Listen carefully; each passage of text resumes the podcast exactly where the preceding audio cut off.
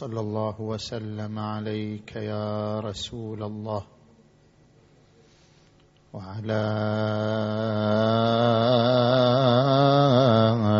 أهل بيتك المعصومين المنتجبين يا ليتنا كنا معكم فنفوز فوزا عظيما. كرام كرام بأرض الغاضريه عرسوا فطابت بهم أرجاء تلك المنازل. أقاموا بها. يا يا يا كالمزن فاخضر عودها واعشب من أكنافها. كل ماحل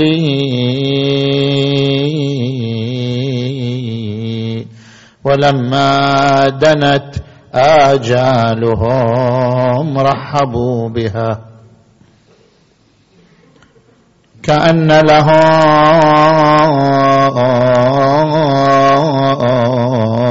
في الموت بلغة آملي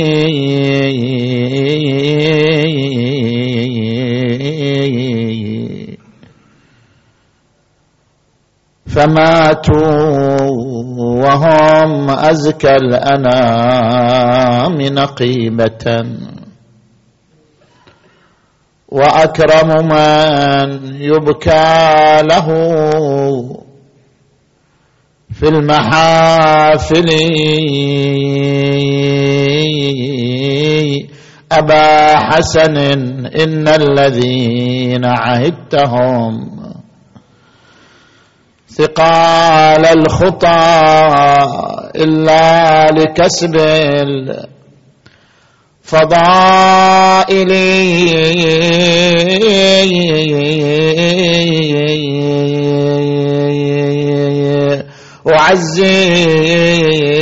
أعزيك فيهم يا لك الخير إنهم مشاء للقاء الموت مشية عايا.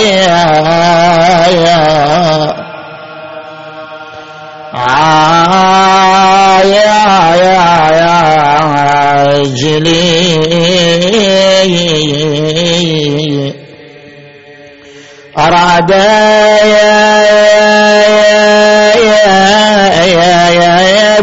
بنو سفيان منهم مذلة وذلك من أبناك صعب التنايا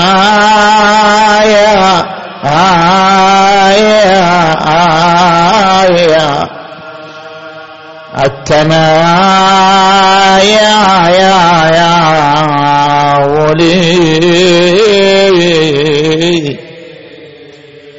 متى يا يا ذل قوم أن تخلفت فيهم؟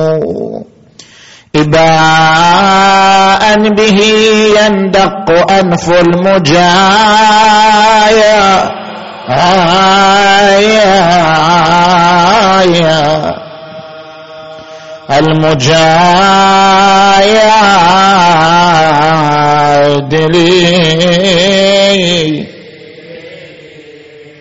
نعمت بهم عينا فقد سار ذكرهم. كما قد مشى معروفهم في القبايا. آية في القبايا يا يا إلي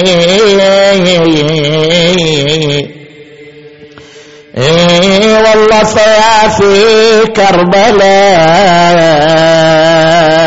ضمت مصابيح مثل البدور المشرقة. لكن مذابيح شبان والكل فيه شباب ما تهنى صار مراكز للرماح. وللأسنايا مثل الشباب الما بلاغ عشرين سنة. مرمية ويلي وجرحوه القام تجريح. والله حساف أولاد ما خطت لحاهم. صار عرايا والتراب صاير غطاهم. وشحال هاللي سهر الليل برباه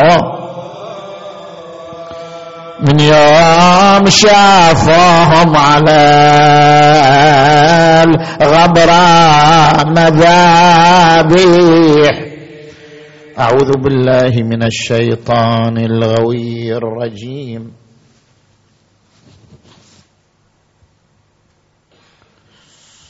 المسألة الفقهية. نرى هذه الظاهرة في بعض المساجد ولدى بعض الأشخاص أن كثير من المتعبين أو المرضى يصلون على الكرسي يعني يجلسون على الكرسي ويصلون. ولكن الصلاة على الكرسي لها ضوابط وتحتاج إلى شروط. الإنسان متى ما استطاع أن يقوم في الصلاة ولو في بعض الصلاة يجب عليه القيام. هناك إنسان يستطيع أن يقوم من حين تكبيرة الإحرام إلى حين الركوع يقدر يوقف لابد أن يقف. هناك إنسان لا يقدر فقط يكبر تكبيرة الإحرام عن قيام فقط وبعدين لازم يجلس. اذا لازم يقوم حتى يكبر تكبيرة الإحرام عن قيام. ثم بعد ذلك يجلس لأنه يعجز عن استمرار القيام. هناك إنسان لا يقدر على أن يركع عن قيام وما يقدر يقف من تكبيرة الإحرام إلى الركوع بس الركوع عن قيام يقدر عليه. إذا جاء وقت الركوع يقدر يركع عن قيام يجب عليه ذلك. صلي من جلوس لكن إذا جاء وقت الركوع قام وركع شنو؟ عن قيام. فمتى ما تمكن من القيام ولو بعض القيام يجب عليه ذلك. مو سيدة يروح إلى الصلاة عن جلوس. لابد أن يحاسب قدرته. شقد يقدر على القيام؟ يقدر على بعض القيام يقدر على كل القيام. أي قيام يقدر عليه؟ يجب عليه. لو فرضنا أن إنسان لا يستطيع أن يقوم بنفسه لابد أن يقوم شنو؟ متكئا. يجب عليه أن يقوم متكئا. ما يروح يصلي جالس لأنه لا يستطيع أن يقوم. هو باستطاعته أن يقوم شنو؟ متكئا على شيء. إذا استطاع أن يقوم متكئا فيتعين عليه ذلك ولا يذهب إلى الصلاة عن جلوس. ما دام قادر على القيام ولو متكئا. زين. إذا الإنسان غير قادر غير قادر أن يصلي عن قيام. خلاص. بالمرة غير قادر على القيام. هنا ينتقل إلى الصلاة عن جلوس مو إلى الصلاة على الكرسي. ليش؟ لأنه مطلوب منا السجود. وإذا كان قادرا على السجود يعني قادر على أن يضع المساجد السبعة شنو؟ على الأرض. وصحيح ما يقدر يقوم بس يقدر يسجد. سجود شرعي قادر على أن يضع المساجد السبعه على الأرض فيجب عليه ذلك. مو يجلس على الكرسي ويومي إلى السجود بحجة أنه غير قادر على القيام. وانت غير قادر على القيام بس قادر على السجود. اذا يجب عليك السجود الشرعي. يعني يجب عليك وقت السجود أن تجلس على الأرض وتأتي بالمساجد وتسجد بالمساجد السبعه إذا افترضنا أن هذا الإنسان غير قادر على أن يضع جبهته على الأرض. بقية المساجد يقدر بس وضع جبهته على الأرض هذا شيء لا يقدر عليه. هنا سيد الخوي قدس سره يقول يومي إلى السجود. إذا هو غير قادر أن يضع جبهته على الأرض يومي إلى السجود. سيد السيستاني دام ظله يقول إذا يقدر أن يرفع موضع السجود يعني مكان موضع السجود التربة أو أي شيء آخر المكان الذي يسجد عليه. إذا يقدر أن يرفعه فيسجد عليه. فإذا حينئذ شنو؟ يتعين عليه ذلك. على الأحوط وجوبا أن يرفع موضع السجود يرفع التربة مثلا بيده أو يرفع موضع السجود يخليه على شيء ويسجد عليه إذا لا يقدر أن يضع جبهته على الأرض. إذا افترضنا أن إنسان لا يستطيع لا أن يقوم ولا أن يسجد هنا يقدر يصلي على الكرسي صح لو لا؟ لأنه لا هو قادر على القيام ولا هو قادر على أن يسجد على الأرض. فمثل هذا الشخص الذي فقد القدرتين هذا يصلي على الكرسي ويومي إلى الركوع وإلى السجود ويكون الإيماء إلى السجود أكثر من الإيماء شنو؟ إلى الركوع. لو دار الأمر بين شيئين يا يصلي جلوس يا يصلي قيام. يقدر على أحدهما ما يقدر على كليهما واحد منهم يقدر. إذا يصلي عن قيام ما يقدر يسجد. إذا يصلي عن جلوس ما يقدر يقوم. فهو بين أمرين إما أن يختار الصلاة عن قيام إذا ما يقدر يسجد. إما أن يختار الصلاة عن جلوس إذا ما يقدر يركع عن قيام. واحد من الثنتين أيهما يقدم؟ هنا يذكر سيدنا قدس سره سيد الخوي أنه يصلي عن قيام. إذا إما هذا وإما هذا يبدأ بالصلاة عن قيام كبر عن قيام ويقرأ الفاتحة ويركع عن قيام بعد الركوع يومي إلى السجود. لو بدأ الصلاة من جلوس كان يقدر يسجد لكنه إذا بدأ الصلاة عن قيام ما يقدر يسجد. يصلي قياما وإذا جاء موضع السجود شنو؟ يومي إلى السجود. هذا ما أردنا التعرض له. نأتي الآن إلى المحاضرة. بسم الله الرحمن الرحيم. وعنده مفاتح الغيب لا يعلمها إلا هو. ويعلم ما في البر والبحر. وما تسقط من ورقة إلا يعلمها. ولا حبة في ظلمات الأرض ولا رطب ولا يابس إلا في كتاب مبين. آمنا بالله صدق الله العلي العظيم.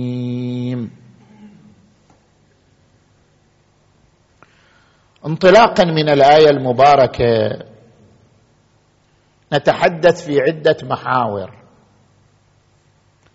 المحور الأول في معاني الكتاب في القرآن الكريم. القرآن الكريم عندما يطلق لفظ الكتاب هل لديه معنى واحد؟ لا. الكتاب في القرآن الكريم له معاني ثلاثة. المعنى الأول كتاب التكوين. يعني اللوح الذي قدرت فيه جميع الآجال وجميع الأحوال وجميع الأشياء. كتاب التقدير. الذي قال عنه تبارك وتعالى وعندنا كتاب حفيظ وقال تبارك وتعالى بل هو قرآن مجيد في لوح محفوظ. هناك كتاب بمنزلة خارطة لهذا الكون كله. فيه تفاصيل الوجود فيه آجال الوجود فيه أحوال الوجود. هذا الكتاب الذي يمثل خارطة الكون وخارطة الحياة هذا الكتاب يسمى بكتاب التكوين ويشير إليه قوله عز وجل ولا رطب ولا يابس إلا في كتاب في كتاب مبين. مبين يعني ظاهر ظاهر طبعا للملائكة الذين وظيفتهم الجري وراء هذا الكتاب والأخذ به. المعنى الثاني للكتاب هو كتاب التشريع. يعني الكتب السماوية التي تنزل على الأنبياء يعبر عنها القرآن الكريم بالكتاب. لقد أرسلنا رسلنا بالبينات وأنزلنا معهم الكتاب والميزان ليقوم الناس بالقسط. هو الذي بعث في الأميين رسولا منهم يتلو عليهم آياته ويزكيهم ويعلمهم الكتاب والحكمة. الكتاب يعني كتاب التشريع. ذلك الكتاب لا ريب فيه هدى للمتقين. ونزلنا عليك الكتاب تبيانا لكل شيء. اذا الكتاب المعنى الثاني للكتاب هو كتاب التشريع. المعنى الثالث للكتاب في القرآن الكريم كتاب الأعمال. جميع أعمال الإنسان تحفظ في كتاب. وكل إنسان ألزمناه طائره في عنقه ونخرج له يوم القيامة كتابا يلقاه منشورا. اقرأ كتابك. كفى بنفسك اليوم عليك. حسيبا. قالوا ما لهذا الكتاب؟ لا يغادر صغيرة ولا كبيرة إلا أحصاها. هذا كتاب الأعمال الذي يتضمن حركة الإنسان منذ ولادته وحتى وفاته. اذا الكتاب في القرآن بمعاني ثلاثة. كتاب التكوين كتاب التشريع كتاب الأعمال. نجي إلى المحور الثاني من حديثنا. ما هي العوالم التي يتجلى فيها الوجود؟ وجود أي شيء يمر بعدة عوالم. شوف هذا الإنسان وجود الإنسان يمر بعدة عوالم. بطور بعد طور بحالة بعد حالة بشكل بعد آخر. ما هي العوالم التي يمر بها وجود كل شيء في هذا الكون؟ العوالم ثلاثة التفت إلي بالدقة. العالم الأول عالم الخزائن. وهو ما يعبر عنه القرآن بمفاتح الغيب. شنو معنى عالم الخزائن؟ كل إنسان كل موجود الإنسان الجماد النبات الجن الملك كل موجود له أصل. ذلك الأصل كان محفوظا في عالم قبل أي عالم يعني أول عالم برأه الله وأبدعه هو عالم الخزائن. وفي هذا العالم لكل موجود أصل يختزن فيه. هذا الموجود يختزن ويختصر في ذلك الأصل. شوف القرآن الكريم يقول وإن من شيء إلا عندنا خزائنه. وما ننزله إلا بقدر معلوم. هذا الإنسان كان موجودا في خزائن الغيب. كان له أصل في خزائن الغيب. لكن هذا الأصل لم يكن له حدود لم يكن له قيود. كان وجودا مجملا كان وجودا مبهما. وإن من شيء إلا عندنا خزائنه. وما ننزله؟ يعني ننقله من عالم الخزائن ننزله؟ يعني ننقله من عالم الخزائن إلى عالم آخر إلا بعد أن نضع له حدود. وما ننزله إلا بقدر معلوم. وقال تعالى وكل شيء عنده بمقدار. وقال تعالى الذي خلق فسوى. والذي قدر فهدى. إذا نقل الموجود من عالم الخزائن إلى عالم آخر يقتضي وضع حدود وأقدار لذلك الموجود ثم ينتقل إلى العالم الآخر. عالم الخزائن هو عالم مفاتح الغيب. الآية عندما تقول وعنده مفاتح الغيب. مفاتح الغيب هي الخزائن. وعنده مفاتح الغيب لا يعلمها إلا هو. هذا عالم الخزائن. ويقول أم عندهم خزائن رحمة ربك؟ زين هذا عالم الخزائن. العالم الذي يليه. الإنسان ينتقل من عالم الخزائن من عالم لا حدود فيه لا أقدار فيه إلى عالم آخر. شنو العالم الثاني؟ عالم التقدير اللي أشارت اليه القسم الثاني من الآية. القسم الأول من الآية يتحدث عن عالم وعنده مفاتح الغيب لا يعلمها إلا هو. القسم الثاني من الآية يتحدث عن عالم ثاني ويعلم ما في البر والبحر وما تسقط من ورقة إلا يعلمها ولا حبة في ظلمات الأرض ولا رطب ولا يابس. كل هذا في عالم ثاني إلا في كتاب مبين. كل هذه الأمور هي في كتاب وهذا الكتاب هو عالم التقدير الذي يأتي بعد عالم الخزائن. شوف هذا الإنسان إذا انتقل من عالم الخزائن وجاء إلى عالم التقدير وضعت له حدود. أجله كذا أحواله كذا رزقه كذا زواجه كذا مولده كذا. ينتقل إلى عالم التقدير بحدود معينة.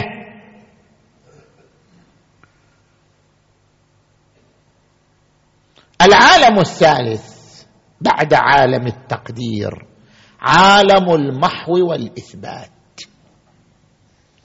هذا أيضا عالم ثالث هذا أيضا لوح ثالث. غير عالم الخزائن غير عالم التقدير. لوح يسمى بعالم المحو والإثبات. يمحو الله ما يشاء ويثبت وعنده أم الكتاب. عالم المحو والإثبات ما هو المراد منه؟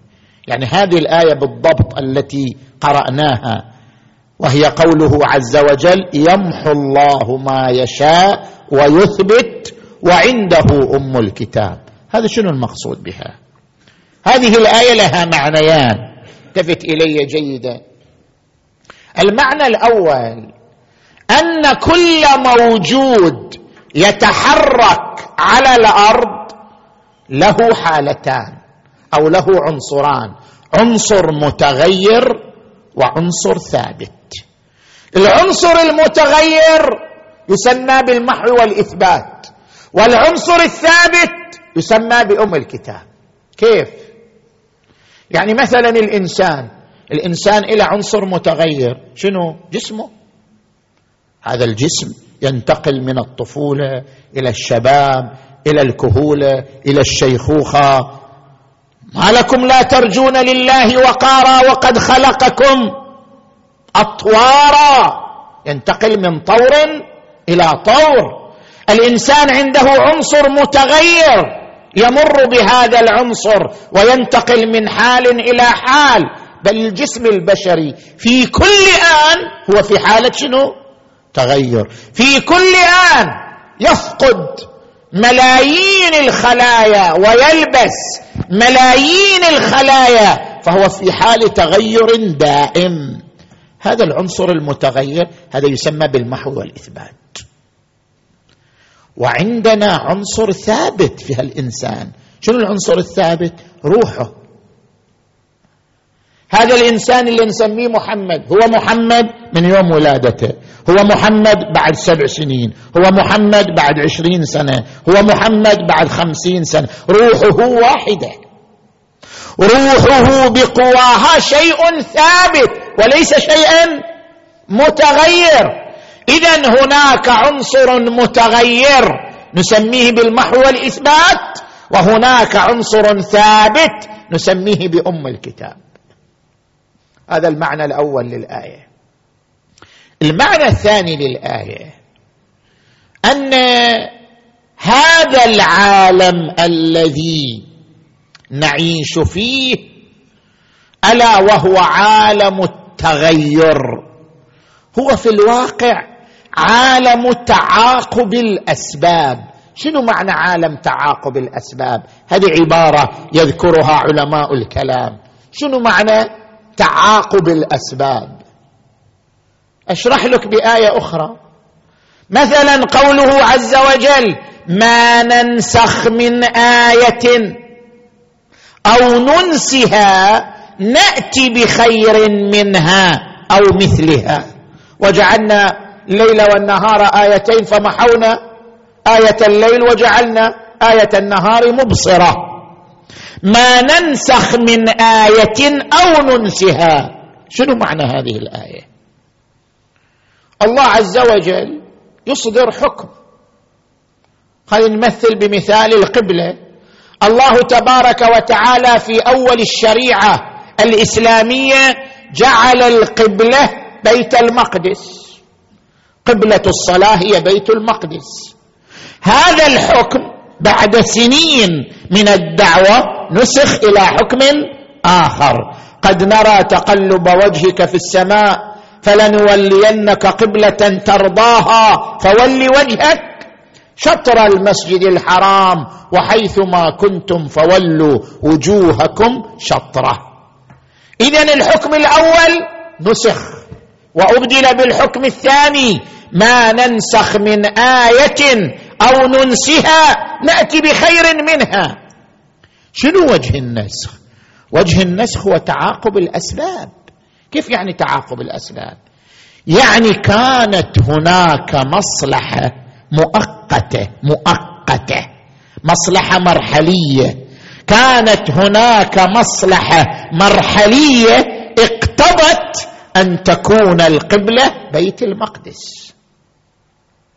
لما انتهت هذه المصلحة المرحلية لما انتهت هذه المصلحة المؤقتة يعني انقضى أمدها جاء أوان المصلحة الدائمة. فهناك مصلحتان مصلحة مؤقتة اقتضت حكم مؤقت ومصلحة دائمة اقتضت حكم دائم. لما انقضى وقت المصلحة المؤقتة وجاء وقت المصلحة الدائمة نسخ الحكم الأول وأبدل إلى الحكم الثاني. ففي الواقع النسخ مو جهل. مو الله ما كان يدري من الأول ويدري. الله من الأول يعلم أن هناك مصلحة مؤقتة. تقتضي أن يشرع لها حكما مؤقتا. وهناك مصلحة دائمة تقتضي أن يشرع لها حكما دائما. فشرع الحكم المؤقت فلما انقضى أمد مصلحته شرع الحكم الدائم. هذا معنى تعاقب الأسباب. نفس الشيء في الإنسان. شوف الإنسان مثل الحكم الشرعي تماما. كيف؟ هذا الإنسان يصاب بمرض خطير والعياذ بالله. قال فلان شخص أن فيه مرض خطير مرض قاتل. الأطباء يعينون يقولوا هذا المرض يستمر بخمس سنين مثلا ثلاث سنين مو أكثر. يعني المقياس الطبي هذا الإنسان بعد ما يعيش أكثر من خمس سنين بحسب المقياس الطبي. انتهى. مرضه يقتضي موته أقصى أجل يعيشه أقصى مدة يعيشه خمس سنين مو أكثر. هنا المرض الخطير سبب لوضع أجل معين وهو أن أجله بعد خمس سنين. نتيجة لمرضه الخطير. زين. هذا سبب. سبب للموت بعد خمس سنين أن لديه مرضا خطيرا. ثم في آخر سنة في آخر شهر في آخر خلينا نقول في آخر يوم في آخر ساعة من هذه الخمس سنين. هذا الرجل تصدق. هذا الرجل وصل رحمه. هذا الرجل قام بعمل مد في أجله إلى عشرين سنة جديدة. كما ورد في الأحاديث الشريفة عن النبي محمد.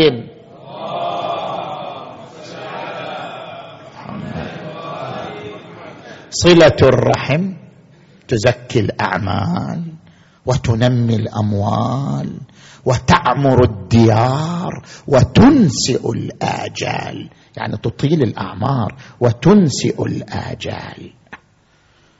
وورد عنه صلى الله عليه وآله إن الرجل ليكون عمره خمسين سنة فيتصدق فيمد إلى سبعين سنة.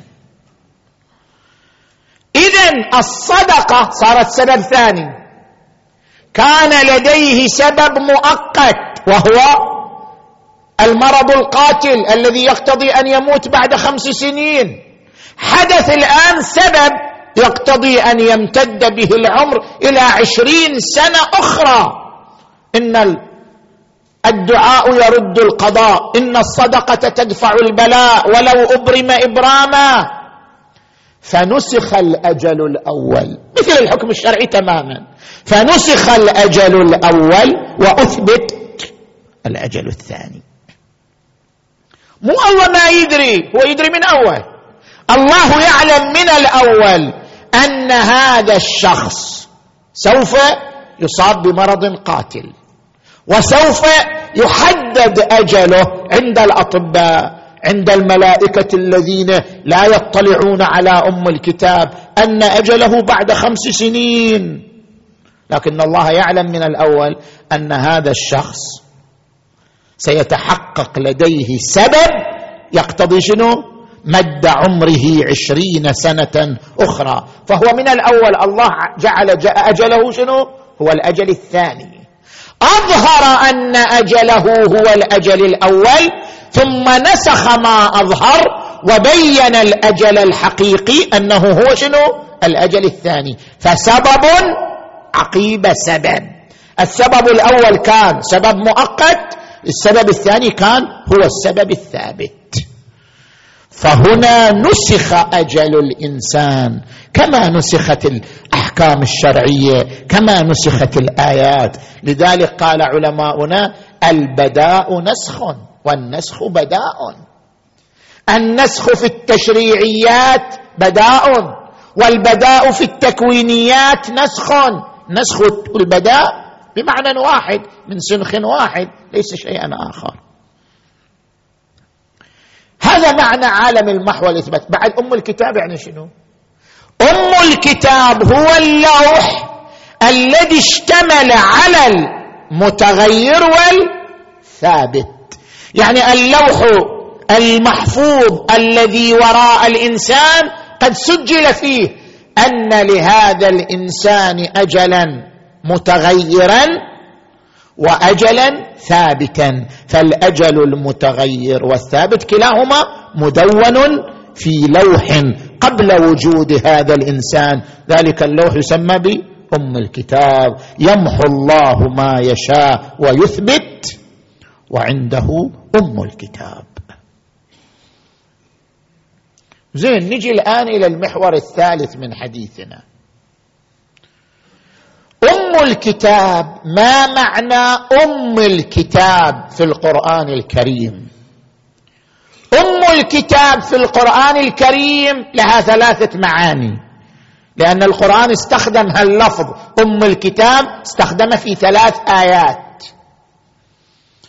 المعنى الأول لأم الكتاب الذي ذكره القرآن الكريم هو عبارة عن لوح التقدير اللي بيناه وهو العالم الثاني من عوالم الوجود.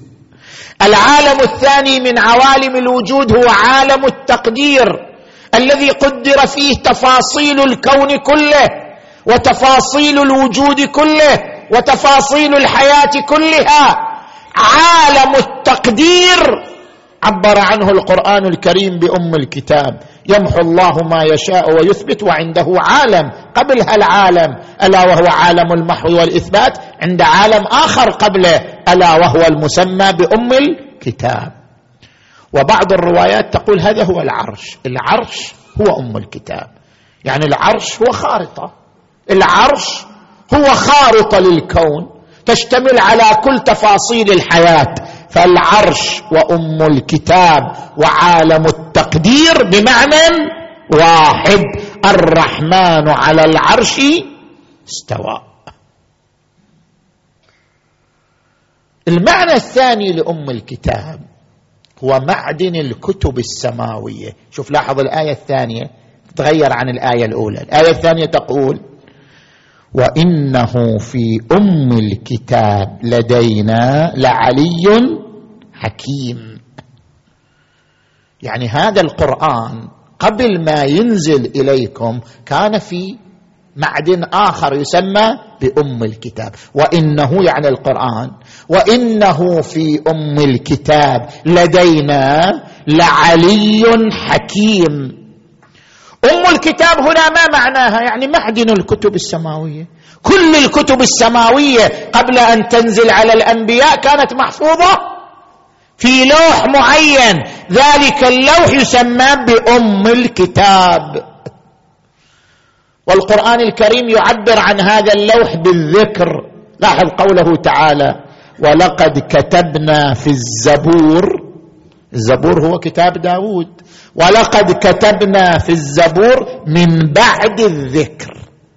يعني الذكر قبل الزبور. طيب شنو الذكر اللي قبل الزبور؟ وأم الكتاب. يعني قبل أن نكتب في الزبور ذلك كتبناه في وين؟ في لوح عندنا وهو المسمى بأم الكتاب وهو المسمى بالذكر. ولقد كتبنا في الزبور من بعد الذكر أن الأرض يرثها عبادي الصالحون. بل هو قرآن مجيد في لوح محفوظ. إنه لقرآن كريم في كتاب مكنون. ذلك الكتاب المكنون يشتمل على القرآن والإنجيل والتوراة والزبور وصحف إبراهيم وكتاب نوح. كل هذه الكتب كانت في كتاب مكنون. لا يمسه إلا المطهرون. المعنى الثالث لأم الكتاب. هو أصول القرآن الكريم. آية ثالثة تتحدث عن أم الكتاب وهي قوله عز وجل فيه آيات محكمات هن أم الكتاب وأخر متشابهات. فأما الذين في قلوبهم زيغ فيتبعون ما تشابه منه ابتغاء الفتنة وابتغاء تأويله وما يعلم تأويله إلا الله. والراسخون في العلم يقولون كل من عند ربنا. هذا المعنى الثالث لأم الكتاب وهو القواعد العامة في القرآن الكريم. القرآن الكريم مشتمل على صنفين من المعلومات. صنف يتعلق بالتفاصيل صنف يتعلق بالقواعد العامة. القواعد والأصول العامة في القرآن الكريم عبر عنها القرآن الكريم بأم الكتاب يعني الأم للقرآن نفسه. فالتفاصيل ترجع للأم. الآيات المتعلقة للتفاصيل يرجع في تفسيرها وتحديد معناها إلى الأم. يعني شنو؟ إلى الآيات التي تتحدث عن القواعد العامة. فيه آيات محكمات هن أم الكتاب يعني هن أصول الكتاب التي يرجع إليها في التفسير. مثلا عندما تأتي لقوله تعالى وجوه يومئذ ناظرة إلى ربها ناظرة. هذه ظاهرها أن الله يرى. مثلا قوله عز وجل الرحمن على العرش استوى. ظاهرها أن الله يجلس على عرش. مثلا قوله تعالى بل يداه مبسوطتان ظاهره أن له يدين. هذه الآيات تفاصيل. كيف نفهم معناها؟ نفهم معناها نرجعها إلى آية محكمة. حتى نفهم هذه الآيات المتعلقة بالتفاصيل نرجعها لآية محكمة. تلك الآية المحكمة تسمى أم الكتاب وهي قوله عز وجل ليس كمثله شيء وهو السميع البصير لا تدركه الأبصار وهو يدرك الأبصار وهو اللطيف الخبير. اذا أم الكتاب لها معاني. المحور الرابع والأخير من حديثنا صلوا على محمد وآل محمد.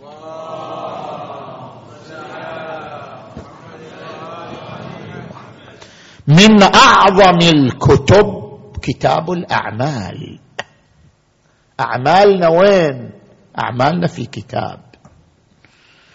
القرآن يعبر التفت لي إلى هذه النقطة. القرآن يعبر عن كتاب الأعمال بالطائر. ليش اعبر عنه بالطائر؟ وكل إنسان ألزمناه طائره في عنقه. ونخرج له يوم القيامة كتابا يلقاه منشورا. ليش يعبر عن كتاب الأعمال بالطائر؟ لاحظوا معي. العرب في تلك الأزمنة كانوا لهم طائر سانح وطائر بارح. الطائر السانح يتفاءلون به والطائر البارح يتشاءمون منه. إذا جاء الطائر عن اليسار صار يمينه يساري هذا يسموه طائر سانح يتفاءلون به. وإذا جاء الطائر عن اليمين يعني صار يساره يميني يسموه شنو؟ بارح. الطائر السانح يتفاءلون به. ليش؟ لأنه إذا جاء عن طرف اليسار تقدر أنت تصيبه باليمين. لأنه هو جاء عن يسارك ما جاء عن يمينك.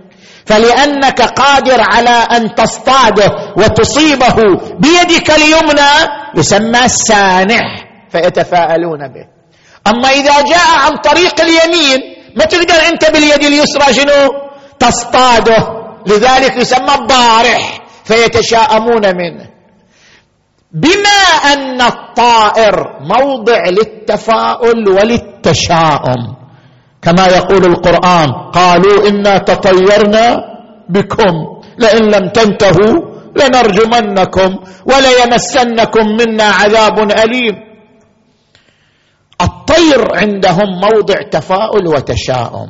لذلك لقب العمل بالطير لأن الإنسان يوم القيامة إذا رأى كتابه إما أن يتفاءل أو يتشاءم. فبما أن كتاب الأعمال سيكون محلا إما للتفاؤل أو للتشاؤم عبر عنه القرآن بشنو؟ بالطائر. وكل إنسان ألزمناه طائره في عنقه. يعني كتابه نفسه. ونخرج له يوم القيامة كتابا يلقاه منشورا. اقرأ كتابك. اقرأ كتابك. كفى بنفسك اليوم. عليك حسيبة. ليش الله جعل كتاب؟ ليش خلى الأعمال كلها في كتاب؟ حتى يكون قضاء بالعدل.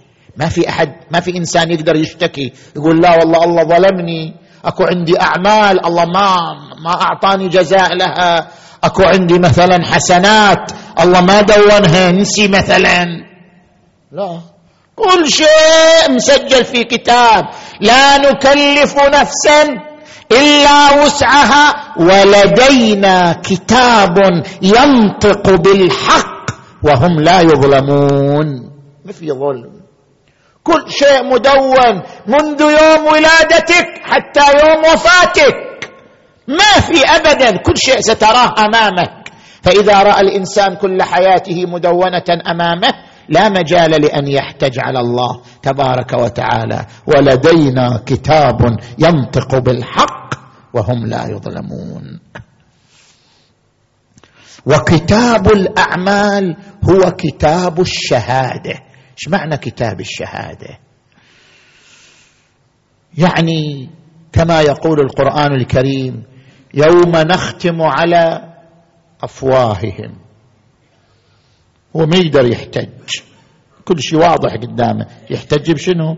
نختم على أفواه وتكلمنا أيديهم وتشهد أرجلهم. ما يقدر يتكلم. شهود حاضرون. كتاب الأعمال كتاب الشهادة. والشهود ثلاثة. الشاهد الأول الجوارح. يوم نختم على أفواههم وتكلمنا أيديهم وتشهد أرجلهم بما كانوا يكسبون. هذه هذه تشهد عليك. اليد فعلت المعصية فتشهد. الرجل مشت إلى المعصية فتشهد. البدن تفاعل مع المعصية فيشهد. الشاهد الثاني البقاع التي نعمل عليها. البقعه التي نصلي عليها تشهد بصلاتنا. والبقعه التي نقترف فيها المعصية والعياذ بالله تشهد بالمعصية وتضج من فعل المعصية. البقاع أيضا شهود علينا. والشاهد الثالث المعصوم نبيا أو اماما. هذا شاهد من الشهود. يوم نأتي من كل أمة بشهيد وجئنا بك على هؤلاء شهيدا. النبي صلى الله عليه وآله يشهد أعمال أمته كلها. ولذلك في الآية المباركة ولو أنهم إذ ظلموا أنفسهم جاءوك فاستغفروا الله واستغفر لهم الرسول لوجدوا الله توابا رحيما. وإني قد جئتك يا رسول الله. أنت تقرأ في زيارة النبي؟ وإني قد جئتك يا رسول الله مستغفرا من ذنوبي. ليش؟ لأنه شاهد حيا أو ميتا. يشهد بأعمالنا يشهد بصحائفنا يشهد بجميع جميع هذه الخارطة خارطة حياتنا هو الشاهد عليها. والإمام المعصوم الذي ترفع له كتب الأعمال كتب أعمالنا في ليلة القدر فهو أيضا شاهد عليها. اذا هذا هو الشاهد الثالث. المعصوم الحجة يشهد على مجتمعه على ما فعل مجتمعه على ما ارتكب مجتمعه على ما أتقن مجتمعه. كل مجتمع عاش فيه المعصوم يشهد المعصوم بما أتقن هذا المجتمع من أعمال جليلة وبما قام به المجتمع من قبائح الأعمال. المعصوم يشهد بذلك. وستنبئك ابنتك بتضافر أمتك على هضمها فأحفها السؤال واستخبرها الحال. فكم من غليل معتلج بصدرها لم تجد إلى بثه سبيلا. شاهد. تشهد الزهراء على ما حصل كله. وكل معصوم يشهد على قومه بما حصل منهم. ولذلك ترى أن الأئمة الطاهرين يؤكدون على الشهادة. الإمام علي يقول إني أشهدكم فاشهدوا. ألم تسمعوا قول رسول الله صلى الله عليه وآله يقول في في غدير خم من كنت مولاه؟ فهذا علي مولاه. اللهم وال من والاه وعاد من عاداه وانصر من نصره واخذل من خذله. وأدر الحق معه أينما دار. ألم تسمعوا ذلك؟ فقام ثلاثون صحابيا وقالوا بلى يا أمير المؤمنين سمعنا بذلك إلا أنس ابن مالك. هذا في زمان خلافة الإمام علي في الرحبة موضع بين مكة والمدينة أشهدهم على ذلك. إلا أنس بن مالك. قال له الإمام أمير المؤمنين يا أنس لم لم تشهد وقد حضرت؟ قال يا أمير المؤمنين إني شيخ قد كبر سني. ونسيت. قال اللهم إن كان كاذبا فاضربه ببياض لا تواريها عمامته فأصيب ببرص يظهر على وجهه ورقبته وكان يقول إلى أن مات سبقتني دعوة العبد الصالح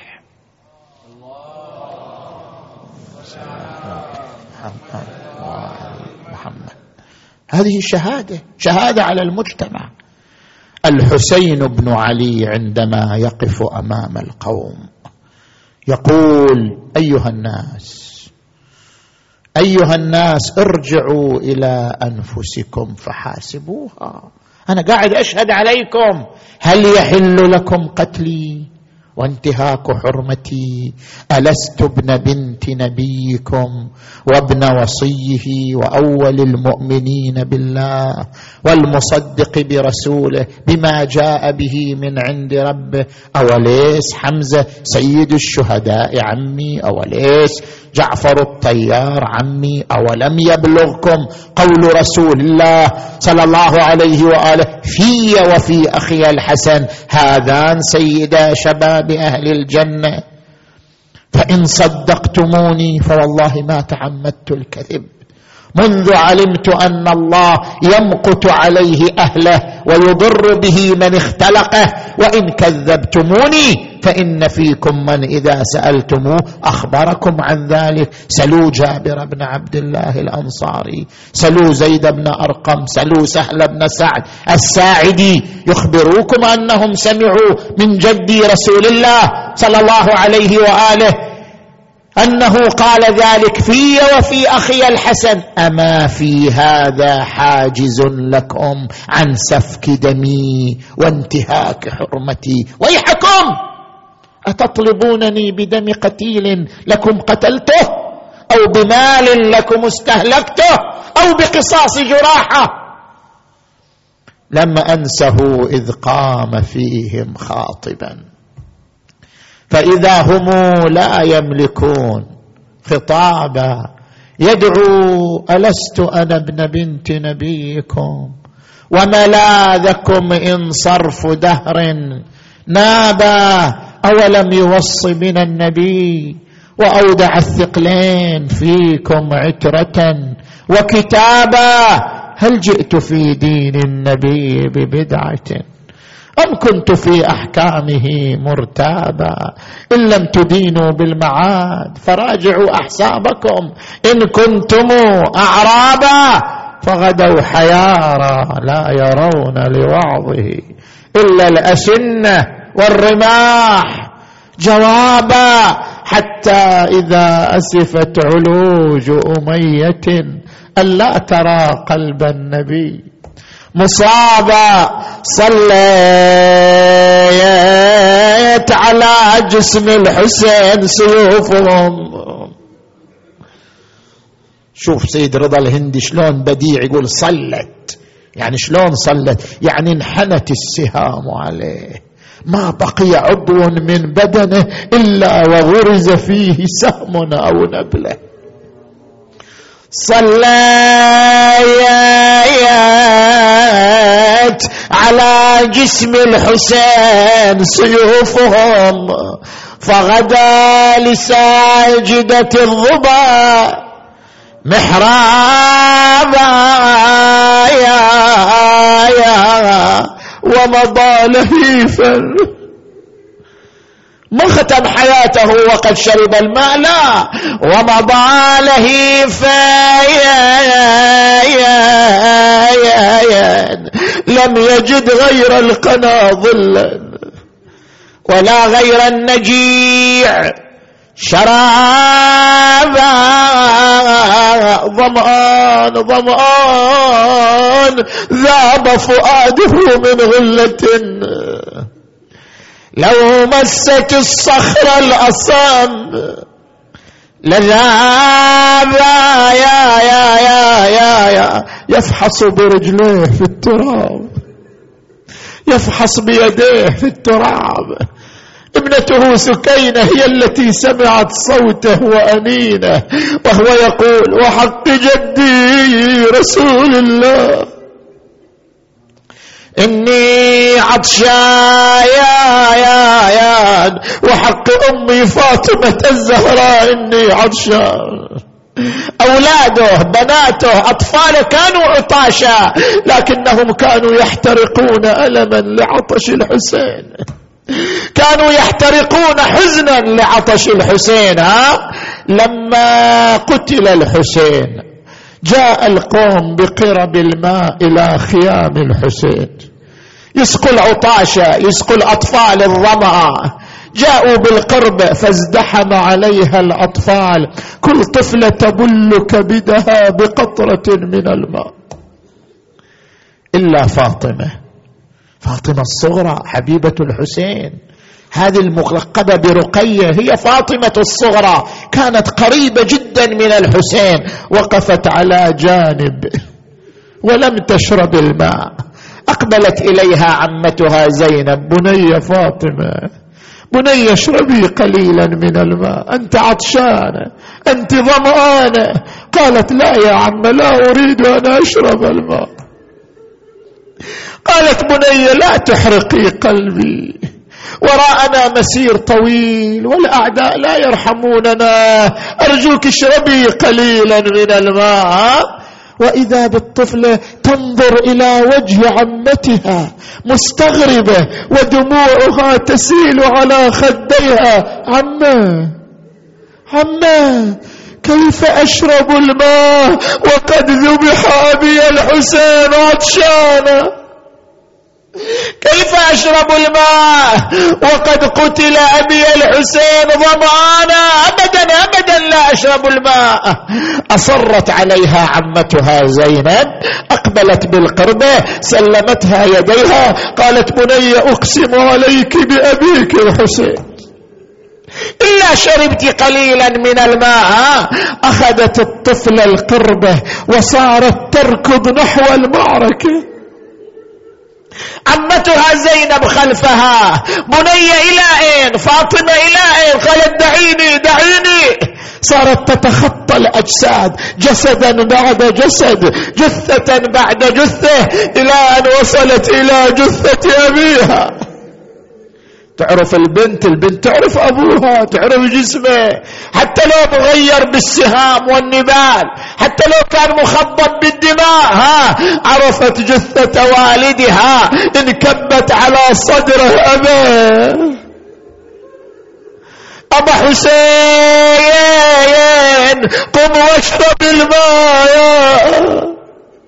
أبا والله لا أشرب قطرة من حتى تشرب من. مدت يديها تريد أن تجلس والدها. طفلة صغيرة تظن أن أبوها يجلس. مدت يديها تريد أن تجلس أباها. وإذا به جثة بلا رأس. لما رأت ذلك نادت وأبتاه وحسينا. كأني بها تنادي يا أبويا نروح كل إحنا فداياك. فداياك اخذني للقبر يا حسين وياك. إيه والله اخذني للقبر يا حسين يا حسين وياك.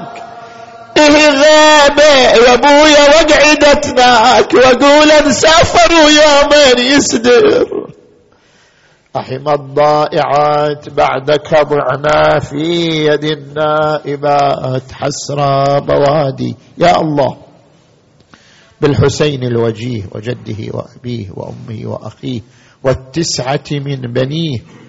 اللهم اغفر ذنوبنا واستر عيوبنا وكفر عنا سيئاتنا وتوفنا مع الأبرار. اللهم صل على محمد وآل محمد واشف مرضانا ومرضى المؤمنين والمؤمنات. خصوصا المرضى المنظورين يا الله. واقض حوائجنا وحوائج المؤمنين والمؤمنات. اللهم احفظ زوار الحسين. اللهم احرسهم وسلمهم ورد كيد الأعداء عنهم. اللهم انصر المسلمين والمؤمنين في كل مكان. يا رب العالمين. اللهم صل على محمد وآل محمد. اللهم كن لوليك الحجة بن الحسن.